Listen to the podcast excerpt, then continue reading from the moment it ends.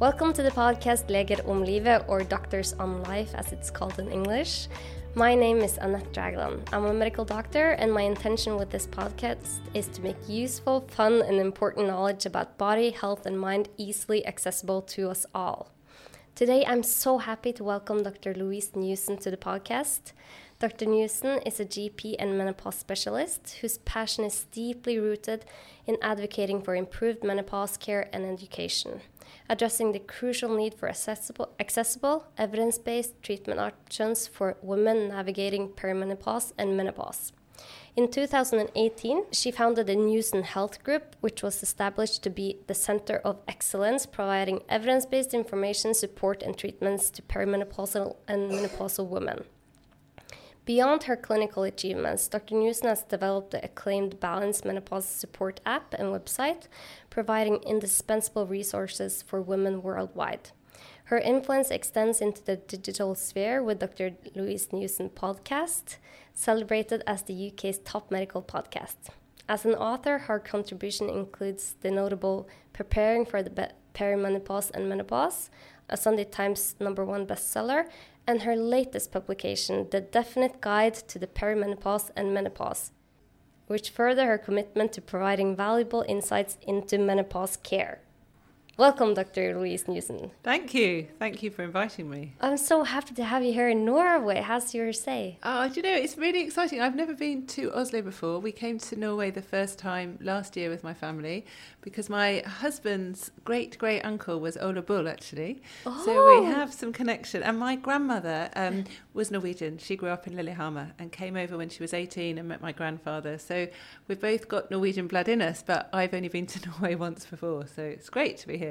Wow. So then you have to come more frequently Indeed. to Norway and you have to spread your knowledge. Yeah.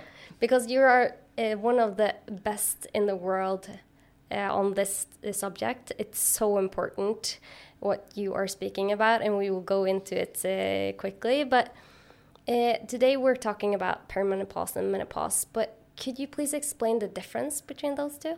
Yeah, absolutely, because we use the words a lot and there's still a misunderstanding. Actually, last night, as you know, I was talking to over 500 lovely Norwegian women and some men, and I asked the room whether they were confident in explaining what the menopause was, and only about five people put their hands up. Um, yet they'd come to a presentation knowing it was about the menopause. And actually, when you look at it medically, we're told it's menopause, so meno being the menstrual cycle, the woman's periods, and pause is a stop. So it actually the definition is a year since the last menstrual period. But I have a real issue actually with that definition because as you know, as a doctor, we don't make a diagnosis in retrospect. We don't say to a woman, oh, come back in a year's time and then I'll give you a diagnosis. If someone's in front of you struggling with symptoms, what are you going to do? Are you going to wait? Of course you're not. And how does that definition occur? Like, what's different a, a, year after your period stopped to a year and a day mm. or 11 months. Mm. I think it was just made by probably men around a boardroom who never speak to women. I don't know, it doesn't make sense. So then, actually, a lot of people say, well, it's associated with loss of fertility. So they call the menopause our post reproductive life. But actually, I don't want to be defined by my fertility either. And for many cultures, it's not actually a it's quite a taboo to talk about whether you're fertile or not. Hmm. And also, as you know, many people are young and have an early menopause. And those women, if they have treatment um, with hormones, can actually improve their fertility. So I think it's really wrong to talk about fertility with menopause. So then we should think, well, what is it? What happens? And what happens is, is that our ovaries have a finite number of eggs. When the number declines, the hormones that our ovaries produce decline. And we're only talking about three hormones estrogen, progesterone, testosterone. They're sometimes referred to as our sex hormones, but they're not actually all about sex. They're not even all about gender because men produce these hormones as well. Mm. But they're three hormones that cause a lot of confusion and angst between all sorts of people. But our ovaries produce them, but other areas in our body produce them as well. So our brain produces the hormones, our adrenal glands, our muscles, even our heart produces estrogen. Hmm. But when we don't have our ovaries working as well, those levels of hormones decline.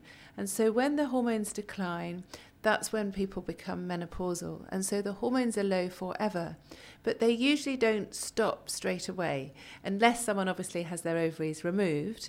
Usually, what happens is as we age, our, our hormones decline, but in a very chaotic way. So they might be up one day, down another day. Um, so there's this chaos happening in our brains before the hormones plummet. Mm. And that time is called the perimenopause. And as you know, peri just means around the time of, when, when medically when you translate it. So it means around the time of the menopause, but that can occur for several years, sometimes a decade before periods stop. So women are still having periods. They might be lighter, they might be further apart, but they might be heavier and closer together, mm. or they might be regular, but they're getting all these symptoms because our hormones, as you know, are just chemical messengers. They go into our bloodstream, they go all around our body, they go to every single cell in our body. And these hormones, estrogen, progesterone, and testosterone, affect every cell function in our body. So when the levels are changing and when the levels are low, we can get a myriad of symptoms, but we can also have health consequences as well. Mm. So it's not something that is we should just think, oh, well, it's just something we have to have as a woman. Of course, every single woman will become menopausal mm-hmm. and it will affect us in different ways. But once we understand what it is and how our bodies are changing, that's when we can think about what can we do about it and what treatment options are. Hmm. Hmm.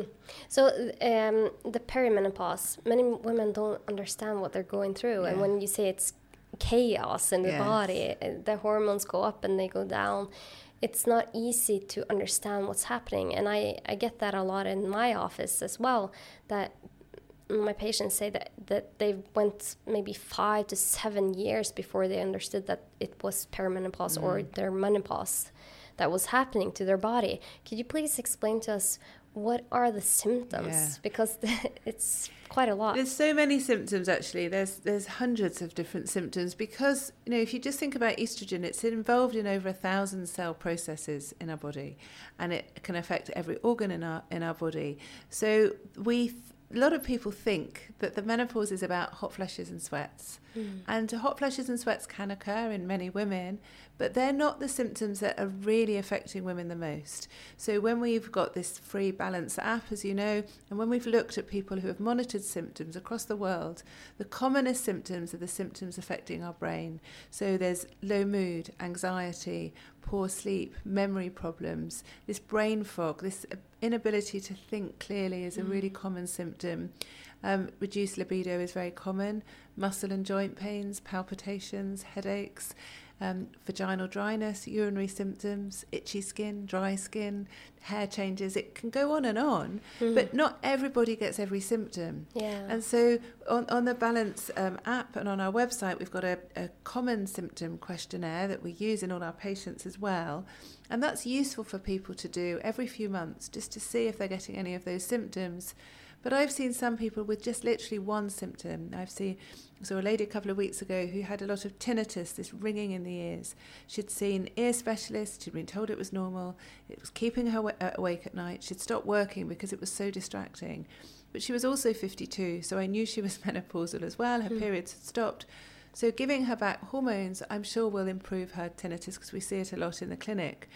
So people think you have to have a certain number of symptoms or a certain duration of symptoms to have that diagnosis, um, and you don't. And it's very difficult because there isn't an easy blood test or a urine test or a saliva test that's going to diagnose it. But actually, there are clues because as you know, when women are having their normal, regular periods, our hormone levels are changing all the time. And we have a peak of our hormone levels when we ovulate in the middle of our cycle.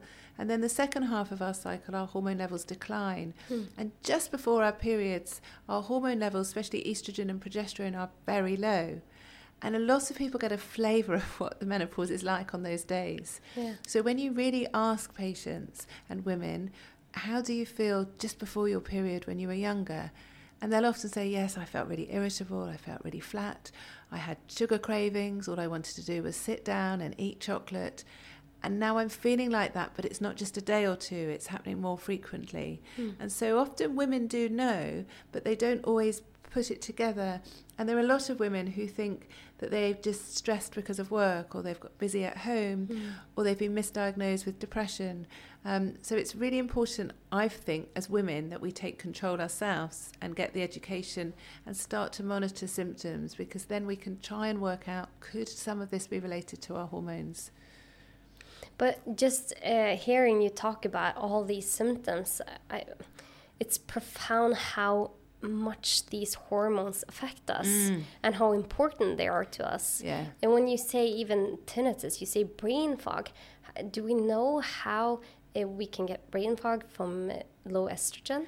Yeah, actually, we've known for many years. So I've got a pathology degree as well, so I'm quite interested in science. And the role of our immune system is key, as you know, to everything. So, if you look at our immune cells, our cells that fight infection, we've got receptors to estrogen on them and, and our other two hormones, progesterone and testosterone. And if we've got good levels of estrogen, then our immune cells work well. The uh, estrogen can genetically reprogram these cells, it can increase the number of the cells, it can change the chemicals, the cytokines that are produced by hmm. those cells. If we have low levels, it the, our inflammatory system changes, so the immune cells become pro inflammatory. So they change the number, they change the action, the way that they work. If we've got low grade inflammation in our body, that obviously can cause diseases, and there's obviously increased risk of diseases in the menopause. But also, there are receptors in other areas. So, if you think of tinnitus, for example, our nerves um, change when we don't have hormones there. So if we have hormones, our myelin, the myelin sheath that conducts all the nerve pathways, can regenerate with hormones. Also, mm. it can help improve the way that the neurons grow and function, and they work as neurotransmitters. So, the chemicals that tell one nerve to another how to work, these hormones all work, and they also balance other neurotransmitters in the brain. So it's all very basic physiology that we should all be learning at medical school mm. because, you know, we've got books and papers from decades ago telling us that. And this is about our natural hormones that we produce. And when you look, even the way they're produced in the brain is really interesting. And so, if someone had like a stroke or a bleed to the brain, one of the first things that the brain does is produce progesterone because it's very anti inflammatory. It repairs cells, it repairs um, damaged cells in the brain because hmm. our bodies are so clever, aren't they? So yeah. we know all this. And so, therefore, if you think, well, what would it be like without those hormones? Of course, it's going to affect brain, brain function. We know that estrogen helps improve the sugar, the glucose metabolism in the brain. It helps the way our mitochondria work, which is, as you know, the powerhouse of yeah. our cells. It helps reduce oxidative stress. So there's really important cellular mechanisms that are going on, but also there are genetic changes that can occur as well. So that's with the benefits of having estrogen. So it doesn't take much to understand that without estrogen, the, it's just not working as well. It's like trying to run your car without oil. Mm. You know, hmm. it's just spluttering. It's just not going to work as efficiently. But what I don't understand is why do women have to go through this phase then? Well, even if you think evolutionary, we shouldn't. Mm. So we are designed to reproduce. So we're designed to be pregnant a lot of our reproductive life. And actually, when we are pregnant, our levels of estrogen are very high. They're about 65,000, whereas they're about well, between 250 and 1,000 when people are menstruating. So we have very high levels of estrogen when we're pregnant. Many of us feel great when we're pregnant as well, by the way. Mm. Um, but then actually, then at the end of our reproductive life is usually when we should expire. And if you think in the Victorian times, the average age of the menopause was about 57, so older than it is now, mm. and the average age of death was 57, 59, I mean, so just two years later we're living longer because of advances in medicine, of course. Mm. So there aren't many other animals that go through this this menopause. Um, so it's one of those things that we don't know. But there's lots of people that have other conditions as we age. So raised blood pressure occurs as we get older. People are more likely to have hypertension. Um, it's not so much a disease, but it's a marker for f- future health. And it's no different with the menopause, really. We have these health risks, but it, what's happened is that people have seen it as just a marker of symptoms. So when they discovered um, estrogen many years ago, it was associated with hot flushes. But when they discovered thyroxine, it was associated with hypothyroidism, a condition. Mm. And when they discovered insulin, it was associated with diabetes, a disease. Mm. And so it's the perceptions of what the hormones are. And it's been ignored for so long also because it's a women's problem. So why should we bother about women? Mm. Surely it's all in our head. And I think it's very interesting if you look at the history of medicine, and I'm sure you you know as well. But if you even think about the word hist, which is actually the Greek word for womb. Mm. And hyste- hysterectomy, obviously, is removal of the womb. Yeah. But then we have the word hysteria. Yeah. And so there are a lot of women, even now, who are um, sectioned, they're in mental asylums because of this hysteria. But actually, a lot of women, when you tease it back, it started when their periods were changing or stopped, or they had their ovaries removed and something happened in their mm. body. And I hear it all the time in the clinic. Yet people say, oh no, it's in your head, it can't be related to your hormones. Why can it not be related to our hormones? Of course, because our yeah. hormones are so powerful in our brains. And we know that in at least in Norway, the suicide rates for women is highest during this phase. Yeah, and it's the same. It's the same in the UK as well. And I had no idea till I opened my clinic because I see so many women who have been under psychiatrists and mental health teams and crisis teams, and they're on antidepressants, they're on antipsychotics, they're on lithium, mm. they've had ECT. Recently, I've seen some people who've been given ketamine infusions. They're women in their 40s who have had PMS, PMDD, postnatal depression.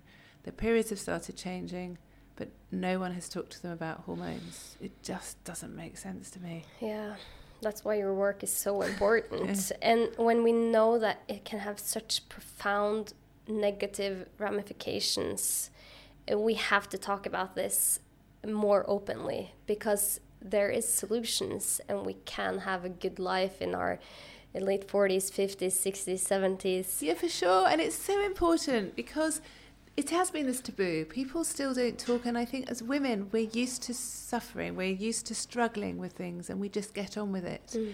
And obviously, I don't want people to think that everyone's going to get these awful symptoms because a lot of people don't.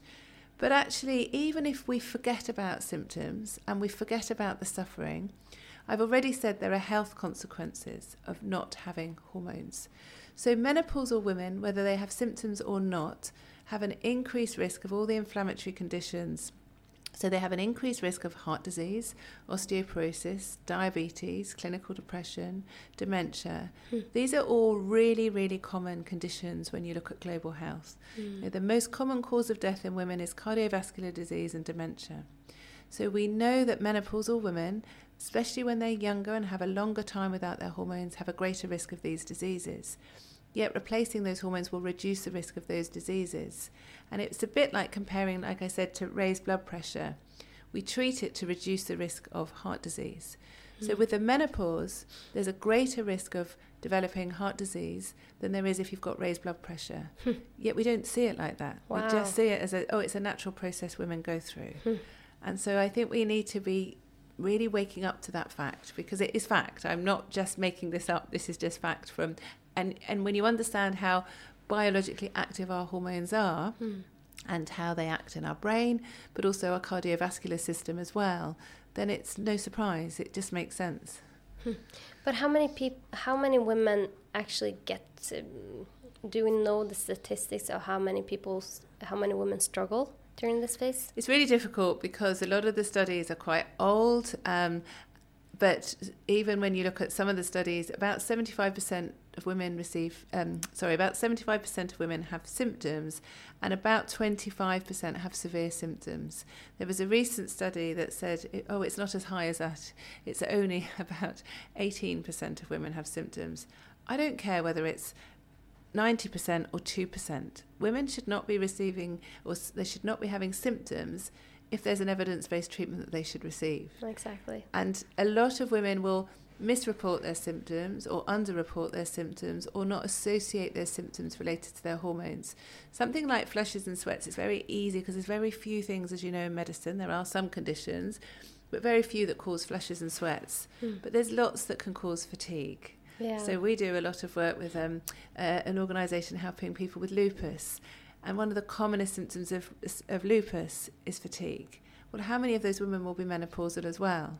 You know, we just don't know because it's very, you won't know how many of your symptoms are related until you have treatment. Yeah. And that's the problem because so few women are receiving treatment. Mm. So, um, just to go through, uh, you mentioned uh, estrogen, progesterone, and testosterone. Mm. Do all of these three decline during menopause? So it's very interesting, actually. Um, yes to estrogen and progesterone. Testosterone is actually the most biologically active hormone that we have as women, and we produce more testosterone than estrogen when we're young. But the levels of testosterone usually decline with age. So it's not a menopause related hormone, really, it's just an age related hormone. Mm. Because about half of our testosterone is produced in our ovaries, if people have um, a failure in their ovarian function or they have their ovaries removed, then their testosterone will then plummet more quickly. Yeah. Okay. So, but so you see that uh, testosterone also, testosterone decline also can affect us women. Yes, definitely. And that's something that's been really underreported and under-recognized because even if you think of the word testosterone related to testes, well, we don't have testes, do we? But actually, it's, it's produced from our ovary. A lot of people think that estrogen and progesterone is female hormones and testosterone is a male hormone. Mm. But as you know, they all come from cholesterol, and then they the, the sort of pathway is, cholesterol, then there's progesterone, then there's estrogen, then there's testosterone. Mm. But actually, um, uh, men produce progesterone and men produce estrogen as well, which can really play with people's minds when you think about it. Yeah. You know, a menopausal woman has less estrogen than her husband probably in their bodies. But we always just focus on estrogen for women. Progesterone is often thought of just if we've got a womb, we need to take progesterone, and it's a very important hormone. Mm. And then testosterone as well is always just thought of, oh, it's just for men, or more recently, it's been thought of it can just help libido in women. Mm. But again, we have testosterone receptors all around our body. Yeah. We have them in our heart, in our lungs, in our um, GI tract, especially in our brain. Testosterone works as a neurotransmitter as well.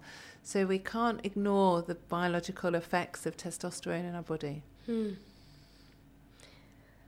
So going through this, uh, it, it sounds um, it sounds like a difficult phase for very many women, and we know here in Norway, in England, you're better at uh, getting help. Uh, in Norway, I don't remember the numbers, but there's very very few Mm. percent uh, in Norway that get treatment for their menopause because Mm. of all the scary side Yeah. effects uh, we've heard about.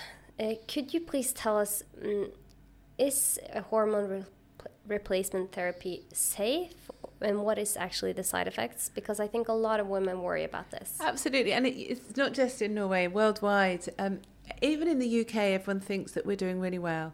HRT prescribing is still really low. So in the UK, about 14, one four, not 40, 14% of menopausal women receive HRT. Globally, it's about 5% of women.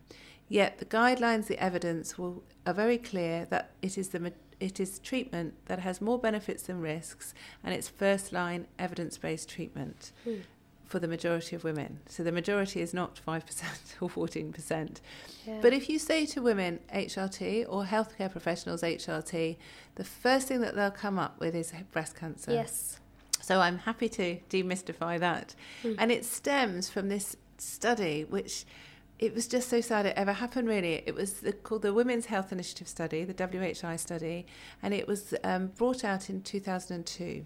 Yeah. So in the 90s, um, when I started, I, I qualified in 1994, and we were prescribed HRT a lot. It was given out to people because we knew it helped people feel better.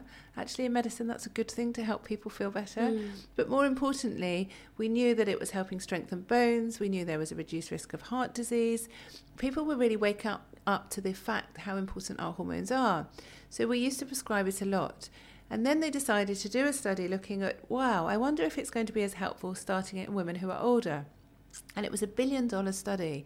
And that in its in itself is quite remarkable because since that time there hasn't been a billion dollars spent on women's health research, as you know, Mm. or hormonal research, which is so awful. So, anyway, they did this study. They were looking at um, the effects of HRT in older women. Now, there's a couple of things that's really important about this study, and one is the type of HRT. So, HRT just stands for hormone replacement therapy, which actually it's not really because it's only about our, these sex hormones, it's not all hormones, but there are different types. So, in this WHI study, they use very synthetic hormones. So, the estrogen was a tablet and it was derived from pregnant horses' urine which you could argue is natural, but it's not something we really want to take.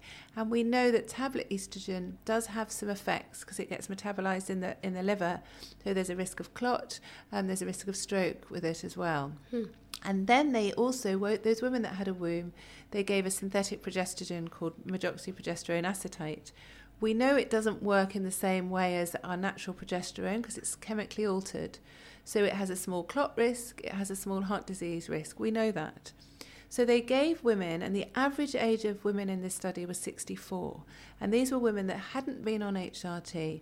So they gave women um, this type of HRT and followed them up. Mm. They started to notice that some women seemed to have an increased incidence of breast cancer. And as you know, in a big study, what you do is you analyze results really carefully mm. and you re-analyze them and you get the best statisticians and go through the results. But they'd seen this result and they hadn't analysed them properly, but they'd told the newspapers and they'd told the New England Medical Journal. And one of the investigators, Rob Langer, I've had him on my podcast before, said a group of them said, please don't publish this data because we haven't looked at it properly. They said it's too late, it's gone to the press. Oh. And if you look at footage from that time, there's people sitting on sofas being interviewed in the press saying HRT causes breast cancer. And of course, I understand completely. People stopped prescribing it overnight. Yeah, yeah. It was a massive car crash, but actually, it's been the biggest travesty to women's health ever. Because since HRT prescribing has reduced, the incidence of heart disease, especially in, in women, especially in America, has really escalated. Women's health has just deteriorated, and suffering for women has actually escalated as well. But we've they've reanalyzed the data. They've looked at it properly. We've now got over 20 years data, obviously, because it came out in 2002. Mm. And there's some really reassuring parts of it. So, firstly, when they look at the women who were only taking estrogen, who'd had a hysterectomy, those women were shown to have a 23% lower incidence of breast cancer. So the estrogen, which is no surprise because it's so anti inflammatory, isn't associated with this increased risk of breast cancer. The breast cancer risk was associated with women taking the estrogen with the synthetic progestogen, but actually it wasn't statistically significant anyway. Mm. And the study wasn't set up to have breast cancer as a primary endpoint. It was looking at cardiovascular disease as a primary endpoint. So if you look at the way the study was designed, it wasn't designed to pick this up anyway. So there's lots of flaws in the study mm. and the hmm. analysis, but actually also, the other reassuring thing about it was that any type of HRT, if someone did develop breast cancer, their prognosis, their outlook, was actually better than a, compared to someone that had never taken HRT. Hmm. But, and this is a big but, we don't prescribe those types of HRT. We now prescribe the very natural, body identical hormones that are derived from yam plants. So it's like comparing apples and pears they are very different. Mm. So we now just use the natural hormones. So if I look down the microscope, they are exactly the same as the hormones that we produce when we're younger. So they have the same biologically active processes and benefits that I explained earlier. Whereas the synthetic hormones don't have the same results and they're more pro inflammatory. So they're not going to have the health benefits anyway. So that's what you call the bio identical. Well, we call them sort of body identical. There can be confusion with the term because some people um, prescribe these bio identical hormones that are compounded, so they're not regulated products. And as you know, if something's not regulated, it's not consistent with the way that it's produced. So we always prescribe the regulated products. They're not always licensed because, for example, testosterone isn't licensed for women in the UK mm. or in many other countries as mm. well. But it's still the regulated product, and that, that is important. But they are exactly the same as the, the, the actual hormones that we produce when we're younger. Okay. So, so can you go through uh, if a woman now uh, wants to try treatment mm. for her menopause symptoms, what would she get then? Yeah, so we know from the evidence that the earlier a woman takes hormones, the better. So that's really important that they can be started in the perimenopause when symptoms start. We don't have to wait until we're menopausal. Mhm. Um, and like I say, the perimenopause can last many years. Yeah. So you don't want many years of suffering. We also know that the sooner a woman takes HRT, the better for her future health. So we know that women who take HRT have a lower risk of heart disease by about 50% and a lower risk of osteoporosis and also a lower risk of dementia as well when it's the body identical hormones that are taken. So we it's not just about waiting for symptoms for a certain length of time, for example. So usually in the clinic, what we do is we start estrogen and progesterone if people need progesterone, and then review them. And then the guidelines say that if women have reduced sexual desire despite being on HRT, we can consider testosterone. Okay. And so we then, if women want to try testosterone, then we try testosterone um, and then review them and do their blood test to see, make sure it's in the female range. But we do find, and many other clinics notice the same, that women find that their mood, energy, concentration, stamina, um, their sleep, often their headaches, muscle and joint pains really improve with testosterone as well. Okay, so all three. Often, yes, yeah. And Oh. then there's also vaginal hormones as well, um, which are different to HRT because they only work in the vagina and the surrounding tissues. So whether a woman takes HRT or not, they can be really, really useful for people with localized symptoms, so vaginal pain, discomfort, and urinary symptoms as well. So people find that they go into the toilet more frequently, they might have Mm. some urge, they might have some Mm. incontinence, and also urinary tract infections and cystitis. So they can Mm. be really beneficial for those women too. Hmm. People who are against this, they often say, but every woman goes through menopause. It's a Mm. natural phase, or uh, why should we medicate uh, something that's natural? Uh, what do you have to say to Yeah, that? isn't it interesting? So I don't really see it as medication because it's just natural hormones. There's a lot of people that have underactive thyroid gland, and of course they can survive without their thyroid gland. They'll feel more tired, they'll probably put on weight, but they can continue without thyroxine. But a Mm. lot of people take thyroxine because it helps the body to function better. And then you think of other sort of natural things. So being in pain in childbirth is natural, but we give painkillers for it.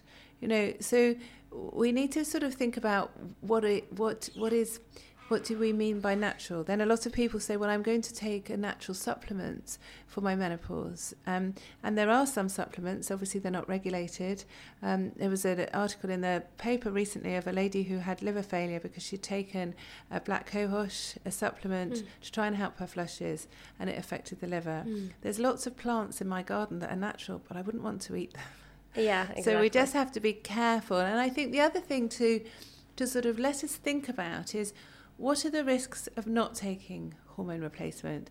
I'm not here saying everyone has to take it. I'm saying everyone should know about it. Mm. So if I, as a menopausal woman, which indeed I am, wasn't taking HRT, I know that the symptoms I had would have stopped me working because my brain had gone, my memory had gone. I was also getting a lot of migraines. I was finding working as a doctor really difficult. So if I wasn't taking HRT, I probably would still have some symptoms. I don't know whether I would have them all, but that's something that concerns me. But actually, one of the things that concerns me even more is osteoporosis. I've seen a lot of women with osteoporosis of their spine who have had a lot of pain from these microfractures they get. It's very Mm. difficult to digest food, very difficult to be mobile. I don't want osteoporosis. So one of the reasons I take HRT, it's a personal decision, is to reduce my risk of osteoporosis as well as other conditions as well. Mm. If I didn't take HRT, I know I've got an increased risk. So, of course, I can look at my nutrition, which I do. I can look at my exercise, which I do. I can look at my mental health and well being, which I do. But I can't replace those missing hormones. There's nothing else I can do to have to have those hormones back. So you can't eat yourself You out You can't eat it. yourself out. No, No. no. But are there any lifestyle factors that can influence it and make it easier for us? Yeah, it's really interesting because, yes, of course. And actually, as a GP, I'm really holistic in my care, not just my care for myself, but my care for patients. But I see and speak to so many women who have been told, come on, you need to exercise more, you need to eat better, you need to sleep better. And these poor women have been trying so hard, But when they're menopausal, it is a cardiometabolic problem. So it changes our metabolism. That's why there's an increased incidence of heart disease and diabetes, type 2 diabetes as well. Mm. People tend to put on weight when they're menopausal. Sometimes it's because they're comfort eating, they're not eating the same food, or they're just sitting around, they can't exercise because of the way they feel. Mm. But also, our body does need estrogen. So, one of the ways it can produce estrogen is by increasing our number of fat cells. Yeah. Now, our fat cells, our adipocytes, are very active. When I was at medical school in the 80s, we were just told it was just a like an inert substance that didn't do anything. But of course, we know they're very active, the adipocytes. They do produce estrogen, but they produce estrone, not estradiol. Mm. And that's important because the commonest estrogen we produce when we're younger is estradiol, which is very anti inflammatory. Estrone is the pro inflammatory estrogen. Hmm. So when people have estrogen as a tablet, it gets converted to estrone, which is pro inflammatory, hence the problems with the WHI study. Yeah. But also in our body, so when people are putting on weight, they're giving themselves more estrogen without realizing. But actually, it's not the great, the best estrogen. And we know weight gain is not ideal. So women often are then made to feel more of a failure because they come and they say, I've tried everything and I can't lose weight. Mm. I can't sleep. I've been doing all this self help. I've been meditating. I've mm. been hmm. trying. But they're trying to do it without hormones, and often mm. the hormones is the missing piece. Yeah. So often when people have hormones, it's so much easier to have a better lifestyle. But if you only have hormones and smoke 20 a day, drink alcohol, don't look at your diet, then the hormones are good, but they're not going to help everything. So that's why it's looking at really, you know, 360 degree care with the menopause because mm. the menopause lasts for decades. Mm. You know, if the average age of the menopause is 51, the average age of death is 83 in the UK. That's 30 years. Mm. But one in 30 women under the age of 40 will have an early menopause. My youngest patient was 14 when she was diagnosed with menopause. Oh. Um, so she's got the majority of her life being menopausal. So we can't just think, oh, it's nature's way, let's just enjoy it, let's just go see what happens, because it's not fair on our bodies. Hmm. Hmm. So uh, if you're on HRT and uh, you want to do, um, you want to change some lifestyle factors, mm. what would you recommend then? It's really important to not do everything at once, I think, because otherwise it's really hard. Nutrition is so important and it's something that we should be looking at more and more and it's probably easier in Norway than it is in England to eat healthy healthily but certainly there's so much processed foods. Mm. it's so easy to snack on rubbish. It's so easy to eat the wrong foods. So looking at processed foods is, is crucial. Looking at our sugar content even looking at what we drink, mm. it's so easy. A lot of women say to me they drink more alcohol because it helps them numb their symptoms, it helps them forget about things, helps them sleep. They think it helps them sleep, yeah. but obviously it doesn't. Yeah. Um, so, and then a lot of people will have fizzy drinks, they'll have fruit juices. Mm. You know, all of that is actually not good. So, looking at what we're drinking, looking at our gut microbe is really, really crucial mm. because then it all works together you know, um, and obviously looking at smoking, looking at exercise. Many people find their type of exercise has to change.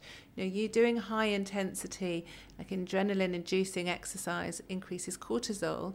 And we know that adrenaline and cortisol, those levels can change when our hormone levels are low. And so, actually, a lot of people find that they have more cortisol, than they find that they're not um, able to um, exercise as well, but also they tend to put on weight despite exercising. Hmm. So sometimes people find doing different types of exercise like yoga or Pilates can actually be more mindful, but actually it can be more calming on the body as well. Um, so because our body is adapting as we're aging as well, it's not always related to hormones, but we need to be sort of working out what's best for us, both physically and mentally. Hmm. So, uh, so women experience that they get higher cortisol during their menopause. Many women do. Often, yes, mm. yeah. Many women gain weight during this phase. I don't know. Will they as well if they are on, on hormone replacement therapy? Will they increase in weight? Most women. No, actually, a lot of women lose weight on HRT, and okay it's been quite muddled because when people have looked at studies, they've looked at older types of HRT as well as the the more um, natural body identical hormones. But actually, if you replace the missing estrogen, our body doesn't have to make fat cells in the same way, of hmm. course. Mm. Um, and so people often find, especially the, the midline that they often put weight on, that can reduce.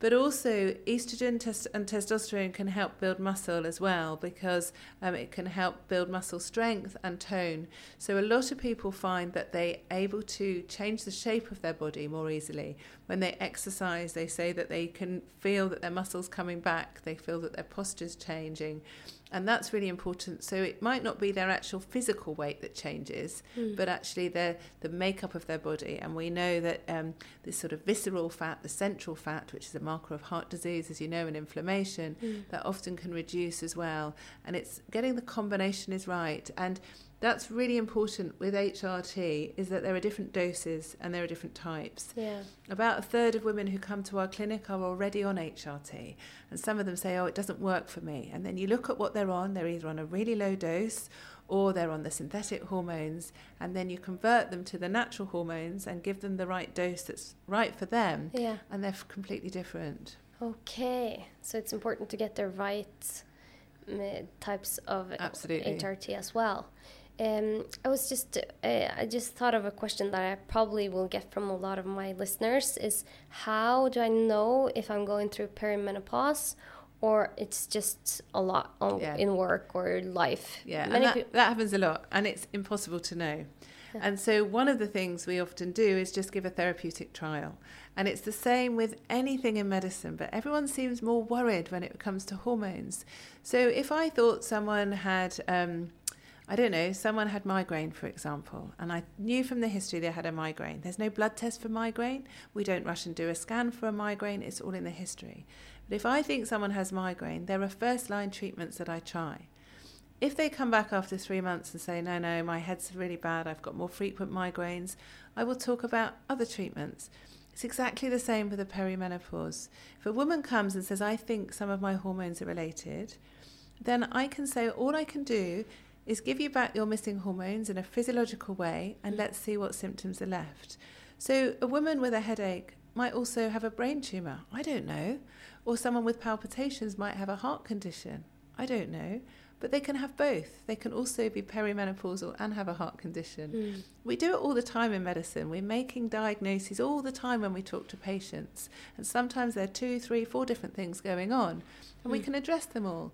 But say, for example, someone with palpitations, I take a good history, I examine them, and I think, well, there's nothing a red flag. There's no nothing serious that really means they have to go into hospital today for their palpitations. So they'll often have other symptoms as well, which I think may be related to their hormones. I'll prescribe them HRT. I might also refer them for a, a test to their heart. But usually, what happens is their palpitations melt away before their appointment comes through for their heart investigations. Mm. And then the proof is in the pudding, really, you can yeah. see. Um, but if the palpitations carried on or persisted or changed, of course they would need a cardiology. The mm. problem is it's all happening the other way round. So we see hundreds of women that see cardiologists for their palpitations, they see neurologists for their headaches, they see rheumatologists for their muscle and joint pains, mm. they see urologists for their bladder symptoms. They're on a myriad of treatments and no one has talked about hormones. Yeah. So once they're on HRT, they often come off their antidepressants, they come off their painkillers, they can even reduce statins in their blood pressure treatment. So we're de-prescribing a lot of the time. Oh, that's So great. the menopause is being medicated with the wrong things. Yeah. And that's really worrying actually. Hmm. Are there any clues though for women who are in their 40s and thinking about it, it's if it is this or it's well looking at symptoms so downloading the free balance app has got i've been a medical writer for many years so there's lots of information lots of articles we're adding to all the time. So people can just read information but also there's the ability to monitor symptoms as well. Mm. and it's worth people doing even in their 30s or 20s if they think there are hormonal changes doing it every three three to six months and then just having an internal check with yourself. Mm, do you think any of these symptoms could be related to your hormones and that's the biggest question that people need to ask themselves and if women say yes that, that that's when they need to try and get some help advice and treatment great great that you have this app mm. okay is there anything else that you want to uh, to share while you're here in Norway and we're so lucky to have you here? Oh, I just want people to have knowledge and make sure it's the right knowledge because just being here for 24 hours, people are still very scared about hormones. Women and healthcare professionals still seem scared. But actually, what I love about Norwegians is that you're very thoughtful and you want to learn. You've got this appetite for knowledge. So it's, I think it's a woman's duty actually to understand what's going on, but also people around them should understand as well. Because sometimes when you're menopausal or perimenopausal, it's overwhelming mm. and it's very difficult sometimes to learn new information. So we all should be having this conversation, but we shouldn't just be talking about the symptoms. We should be thinking about treatment as well. Mm. So I feel like there's a lot changing already globally, certainly in the UK, because women are understanding how important our hormones are. So yeah. I'm hoping me coming as a start of a conversation, but I really want it to continue as well. Yeah, I know we are behind the UK, so I'm very happy that I get to share your knowledge with the more people in Norway. Thank you so much for oh, joining. Thank you for inviting me. It's been great. And if uh, my listeners want to uh, find you, where can they find you? So my website is drlouisenewson.co.uk and then you can link on to the podcast or to the Balance app from, from that website. And I'm very active on my Instagram, which is menopause underscore doctor. Great. I follow you. And if uh, uh, you have any questions for me, you find me on Dr. Annette Dragland uh, on Instagram and uh, Facebook. And I also get, uh, I also recently got a YouTube channel, Dr. Annette. You can find me there and please subscribe. And uh, if uh, there's anything else, just don't hesitate to reach out. And that's it for today. Have a great day. Bye.